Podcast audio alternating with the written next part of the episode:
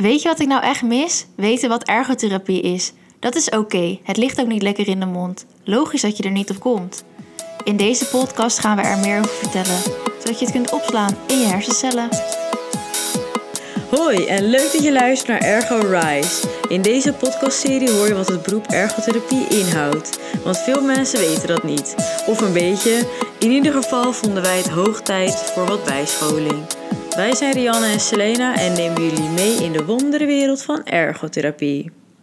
Hoi, leuk dat je luistert. Vandaag spreken we twee oud-studenten van de HVA. We gaan het hebben over afstuderen en zwijgplicht. Nou, welkom Eva Koenders en Danny Okhuizen. Leuk dat jullie uh, willen vertellen in onze vijfde aflevering van dit seizoen. Uh, en jullie zijn allebei afgelopen jaar afgestudeerd. En jullie vertelden net al eventjes dat jullie elkaar een beetje kennen ook van de opleiding. En um, ja, hoe is dat nu om afgestudeerd te zijn? Danny, hoe is dat bij jou? Werk jij nu al ergens? Ja, ik ben um, na januari net afstuderen. Ben ik gelijk doorgegaan bij het rugcentrum in Utrecht. Um, en wat we daar eigenlijk behandelen, uh, makkelijk gezegd, eigenlijk ja, mensen die operatie hebben gehad aan de lage rug. Uh, een afschuiving van een van de wervels. Um, en dat probeer je eigenlijk te revalideren. Uh, kan ook hernia zijn, herniaklachten die mensen hebben. En dan gaan we gewoon kijken wat we kunnen helpen qua adviezen voor uh, houding, werkplek, maar ook daarnaast gedragsmatig. Als iemand heel erg een overbelaster is, juist, of een onderbelaster, van, nou, dat hij te veel doet op een dag, dan hebben we daar gewoon gesprek over. En dat is eigenlijk wat ik van februari aan het doen ben. Ja, een leuke werkplek lijkt mij. Ja. ja, zeker weten. En ook allebei pas net eigenlijk begonnen, nog maar één of twee maandjes, na drie misschien. Dus ook best wel nieuw allemaal. Ja, ja klopt. Ja. En, uh, en Eva, nou, je bent dus nu een nieuw afgestudeerde frisse ergotherapeut. En als jij dan nu iemand tegenkomt die het beroep ergotherapie nog niet kent, uh, ja, hoe zou jij dat dan uitleggen? Ja, dat is een hele goeie.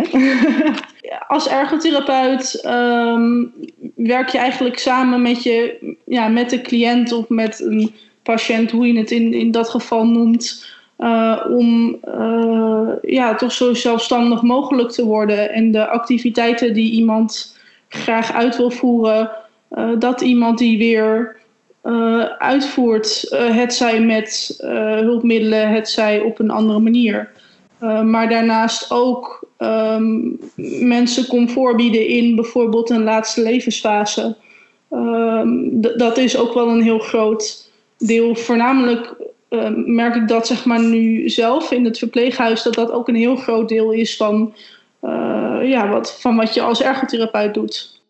Want ik weet nog heel goed in het eerste jaar dat Marichelle, dat, dat is een docent van ons op de HVA, die zei van nou helpen, dat is echt het allergiewoord van ergotherapie. Maar vinden jullie dat ook? Zijn jullie daarmee eens? Of is het toch ook wel een soort van vorm van ja, helpen. Ik weet niet of we dit in de podcast moeten doen, maar.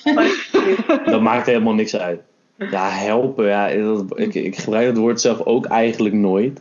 Niet. Um, nee, ja, je, dat is vooral het, het samen. Dat, dat, mis dat gevoel heb ik altijd. Het is vooral het samen doen. Want je kan, het, je kan niet alleen als therapeut zeggen tegen iemand: Oké, okay, je gaat nu dit doen, want dit helpt jou. Ja. Uh, want maar het gaat ook juist, denk ik, om die zelfstandigheid weer creëren. Dus dan ja. is het helpen, is dan weer zo van: ik help jou om jou iets te laten bereiken, een soort van, voor mijn gevoel. Ja.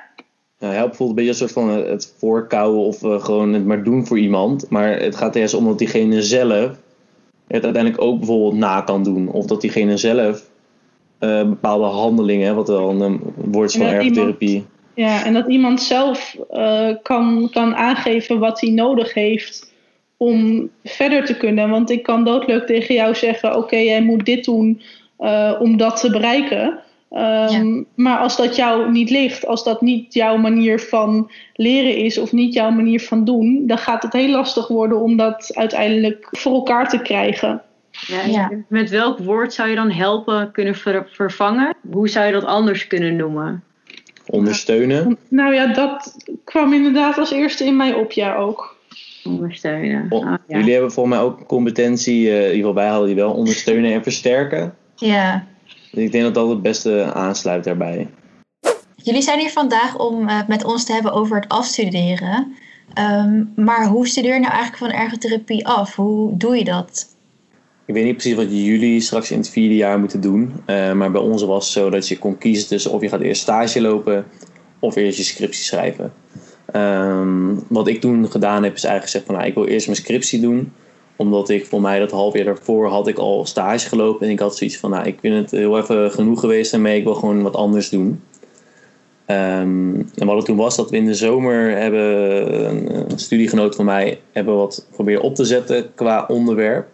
Uh, dat is het uiteindelijk niet te geworden. Dat, toen hebben we gezegd van nou weet je, we gaan samen kijken naar een ander onderwerp. En toen werd dat dus ergotherapie op de intensive care, wat echt super interessant was. Um, heel, heel zwaar ook. Ja. Um, maar daarbij werden we wel, dat vragen ze ook een beetje hè, van hoe werden we daarbij begeleid. In die zin zeg van, nou, je had voor mij elke twee weken had je een um, overleg met je begeleider van school. En die ging dan steunen bij nou, wat voor plan van aanpak heb je gemaakt. Um, wat, uh, wat voor doelen hebben jullie dus opgesteld? Um, wat voor wetenschappelijke bronnen uh, hebben jullie al gevonden? Want dat is heel belangrijk. En ook hoe ben je eraan gekomen, vooral. Dat je niet, ja. uh, niet zomaar ergens begint, uh, maar wel een idee hebt van: oké, okay, hoe zet ik dat op? En dan pas die bronnen gaan zoeken, want anders moet je dat achteraf allemaal gaan regelen. Ja, precies. Merk je ook, heb je ook verschil gemerkt in de manier waarop je begeleid werd, zeg maar, in het eerste en tweede jaar qua projecten en zeg maar in uh, oh. onderzoeksfase? Zo, um, ik. Heel lang terug. ja, ik zit even, ik zit na te denken inderdaad. Um, ja, ik denk dat sowieso de, de manier waarop je een project ingaat, ja, later in de opleiding ook wel meer gestimuleerd wordt en dat er, ja, om daar uh, echt, echt dieper op een onderwerp in te gaan. En ook op je manier van, uh, nou ja, inderdaad zoeken van literatuur, waar je het net over had, Danny. Dat, ja, daar word je ja, ook steeds beter, ja, hoe leg ik dat uit? Uh, daar word je ook steeds beter in. Ja. Ja, klopt. Ja, wat, wat ik nu even over nagedacht had, wat, wat heel veel gebeurde eigenlijk in het eerste jaar, is dat je nog wel een soort voorzetje kreeg van wat je moest doen. En dat uiteindelijk in het derde, vierde jaar het veel meer was van oh, maar wat zou jij nou dan gaan doen? Weet je, dat eigenlijk een soort van de vraag teruggekaatst wordt. Met nou, wat, wat is jouw idee hierover? En wat, wat zou je zelf proberen te doen? Ja, jullie hebben dus wel zeg maar zelf het, het, het afstudeeronderzoek zelf gekozen. En ook daar zelf dus helemaal onderzoek naar gedaan. Ja, bij mij was het wel dat het een vraag was die vanuit een opdrachtgever kwam. Um, dus wij kregen een vraag uh, en daar hebben we wel zelf het hele onderzoek uh, opgezet, zeg maar. Dus het ja. kan van beide kanten. Je kan zeg maar een soort vraag aangeleverd krijgen, of je kan zelf op zoek gaan naar een interessant onderwerp. Ja, en dan moet ja. je vaak, als je wel een onderwerp uh, zelf hebt opgesteld, moet je daar ook wel vaak al contact hebben gehad met uh, bepaalde bedrijven, misschien um, die geïnteresseerd zijn daarin. Um, want dat is wel belangrijk, dat je het ergens kan gaan uitvoeren. Want alleen literatuurstudie is, dat is niet voldoende. Je moet echt in de praktijk eigenlijk bezig zijn. Ja, dus je gaat ook echt naar locaties toe waar je kan observeren of dingen kan meepennen. Of... Ja. ja, precies. Gewoon echt een onderzoek uitvoeren daadwerkelijk. En jullie hebben ja. ook allebei het afstudeeronderzoek uh, goed afgesloten? Ja, ja anders zaten we hier nu niet, hè? Nee. En dat is dan zeg maar één deel van um, je afstuderen. En het andere deel is natuurlijk afstudeerstage. Hoe zit dat precies in elkaar? Ik, ik denk dat het begin sowieso wel hetzelfde is als een andere stage. Ik bedoel, je moet eerst uh, uh, je hele sollicitatieronde doorgaan en um, uh, überhaupt een stageplek kiezen. En ik denk dat je wel heel goed moet bedenken van, zeker bij je laatste stage, van oké, wat waar wil ik later in verder? Of waar wil ik beginnen. Dus dat was voor mij wel heel prettig. Dat ik heb mijn laatste stage in een verpleeghuis gelopen. Um, ook omdat ik zoiets had van hey, ik wil verder met uh, in, in de ouderenzorg. En dan heb je al een soort van opstapje uh, naar een eerste baan toe. Naast die stage moet je ook wel gewoon je opdrachten nog maken, zoals een, uh, een kwaliteitsopdracht en een case study hebben wij nog moeten maken. waar, Waardoor je ook daar weer zeg maar de diepte in gaat. Dus niet alleen cliëntencontact, maar ook het literatuurgedeelte, zeg maar. En hoe belangrijk is eigenlijk zeg maar de band met je stagebegeleider, is dat daarin heel erg essentieel? Ik vind het zelf best wel. Maar ik weet niet hoe Eva daar tegenover staat. Nou ja, daar ben, daar ben ik het wel heel erg mee eens. Op het moment dat jij geen klik hebt met je stagebegeleider, dan gaat het heel erg lastig worden. Ja. Uh, of je moet echt, uh, of je moet er inderdaad doorheen kunnen prikken en het, en het doorzetten. Maar ik, ik zelf denk inderdaad dat het wel een hele grote, grote factor uh, is. En kan je daar ook nog op een bepaalde manier zelf een rol in spelen? Als je zoiets hebt, bijvoorbeeld je komt ergens bij stage en je hebt al meteen het gevoel van oeh, dit gaat misschien niet, uh, dit is niet per se mijn persoon. Dat je dan een soort van zelf ook initiatief kan nemen van nou, laten we elkaar beter leren kennen. Of is het echt meer dat het vanuit dan een stagebegeleider komt of het goed komt of niet? Nee, laat het ook echt vooral vanuit jezelf komen. En, en stap zelf erop af van oké, ik heb dit gevoel. Um, klopt dat? En is dat, is dat wederzijds? Uh, wat, wat betreft die klik. En kijk, je hoeft echt niet beste vrienden te zijn met je stagebegeleider. Maar ja, er moet wel enigszins wederzijds vertrouwen zijn. Anders uh, gaat het er niet worden. Hoe hebben jullie stage over het algemeen ervaren? Het verschilde per week soms bij mij. De ene keer dacht ik van, oh, het is wel een zware week. En de andere keer dacht ik van, oh, ik, ik ga er echt blij doorheen en alles gaat goed. Ja. En dat heb je vooral met stage, dat heel erg dingen onder een vergrootglas terecht kunnen komen. Of voor je eigen gevoel, dat je dan een behandeling hebt gedaan die eigenlijk even niet meer ging. En dan kan ik, ik zeg maar, zo'n type zijn die zegt van, nou, ik heb voor de rest van de dag uh, gaat het gewoon even niet worden. En, en, en, daar heb ik dan meer mezelf mee. Maar het is best, uh, het is een van de pittige perioden, denk ik wel, van de opleiding. Nou, als het allemaal is gelukt, dat uh, hele proces van afstudeerstage, afstudeeronderzoek, dan uh, ga je natuurlijk je diploma krijgen. En dan moet je een eet afleggen. Nou, ik wist dat dus ook niet in het begin van de opleiding. Maar uh, ja, wat, wat is dat? Wat moet je dan zeggen? Of je moet ook iets zweren, maar wat is dat dan precies? Ja, um, nou, wat vooral je zit in de, in de zaal met allemaal ja, medestudenten die allemaal gaan afstuderen eigenlijk.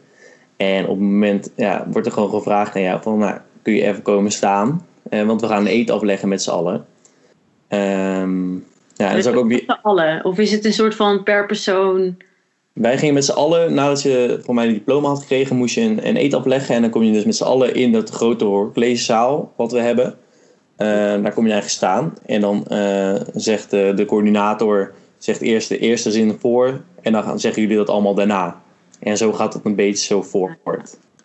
En wat, ja. was, ik, ja, en wat was het dan? Hè? Ja. ja. Wat je eigenlijk heel rustig zegt, is dan... Ik beloof dat ik geheim zal houden al hetgeen mij in de uitoefening van het beroep ergotherapeut als geheim is toevertrouwd, of wat erbij als geheim termijnerkennis is gekomen, of waarvan ik het vertrouwelijk karakter moet begrijpen. Nou, wat dure woorden. Ja, heel duur allemaal. ja. Maar dit heeft natuurlijk te maken met de zwijgplicht die je als paramedici hebt. Um, zou even jullie kunnen uitleggen wat zwijgplicht eigenlijk is? Um, nou ja, om het even in een notendop te vertellen. Uh, alles wat jij van je uh, cliënt hoort, um, moet je in principe, uh, dat, dat blijft tussen jou en je cliënt. dus het is niet de bedoeling dat je dat aan nou ja, Jan en Alleman uh, gaat rondlopen bazuinen. Um, wel moet je bedenken dat als het, het nodig is om um, die informatie aan derden te verstrekken, zoals nou ja, collega's van andere disciplines of, uh, of familie. Uh, of nou ja, iemand anders die daar belang bij heeft. Um, ja, moet je dat wel goed in overleg doen samen met je cliënt. Dus hè, uitleggen van nou ja, wat je doet, uh, waarom je um, eventuele informatie door wil geven en wat het doel daarvan is. Zodat iemand wel weet van oké, um, mijn informatie wordt aan iemand anders doorgegeven, maar daar is een goede reden voor. Ja, want zou je daar een voorbeeld van kunnen geven van op wat voor manier zou bijvoorbeeld die zwijgplicht inzetten of wanneer zou je hem verbreken? Nou ja, als het, als het uh, nou ja, van levensbelang is, om het zo maar te zeggen. Dus bijvoorbeeld als iemand uh, mishandeld wordt, uh, dan, dan zal je toch op enig moment om iemand te beschermen die zwijgplicht moeten verbreken. Want stel dat je in zo'n situatie zou komen, Zouden jullie dat dan lastig vinden om daar een soort keuze in te maken? En hoe zouden jullie dat dan wel tot zo'n keuze komen? Danny? Ja, ik denk dat zo'n keuze altijd wel lastig is. Omdat je ja, soms schat je... Je moet zelf eigenlijk die inschatting maken, hè. Of, of uit het verhaal van iemand. Of, of je, je merkt iets in een gesprek met bijvoorbeeld een kind of een volwassene. Dat, dat er iets, gewoon iets niet klopt. En vanuit Ja. daar moet je vaak die keuze gaan maken. En ja, het lijkt mij zelf wel heel lastig om dat te kunnen doen. Zomaar. Wat in dit stukje nog niet helemaal benoemd is, is dat deze zwijgplicht echt aan een aantal wetten vastzit. Dit betekent dat als je je zwijgplicht verbreekt en deze buiten de uitzonderingen vallen, je hier dus ook echt strafrechtelijk voor vervolgd kan worden. Nou, in de show notes eh, zetten we nog wat linkjes voor jullie neer. Dan kun je het nog wat nalezen. Volgens mij was dit hem wel zo. Dus ja, echt superleuk om jullie ervaringen zo te horen. Ehm, nog één laatste vraag. Wat zouden jullie aan aankomende afstudeerders willen zeggen? Danny, zou je daar eerst iets over willen zeggen? stage zou ik vooral zeggen van kijk vooral eerst goed wat je, wat je echt graag wil. Ehm, en daarnaast kies ook gewoon een opdracht die je heel erg leuk vindt om te doen. Eh, en geniet er ook een beetje van. Hè? Van met mensen werken. eh, laat het niet allemaal te spannend worden. Eh, en fouten maken is niet erg. Nee, Dat- die heb ik al heel vaak gehoord. Ja, en dat, ja maar dat, is, dat kan je niet vaak genoeg zeggen tegen heel veel mensen. Dus zeker ook gewoon nog een keer aan te duiden. Het is echt niet erg dat je een keer een foutje maakt. En daarvoor leer je, Daarom. ben je in opleiding, toch? En van fouten leer je het meest. Om het maar lekker cliché te houden. Ja, Ja, Het is wel cliché, maar het, Het is wel zo. Ja, het is wel zo. Is gewoon Anders kom je zo. nergens. maak nou maar gewoon fouten, want dan leer je tenminste wat. Ja, en een beetje lol. Ja, super bedankt voor het vertellen van jullie verhaal. En eh, nou, wie weet zien we elkaar een keer op het werkveld. Nou ja, Vast wel, het is een klein wereldje. Dus eh, zeker weten, ja. klap, Nou, dank jullie wel. klap, klap, klap, klap, klap. ja. Jullie ook bedankt.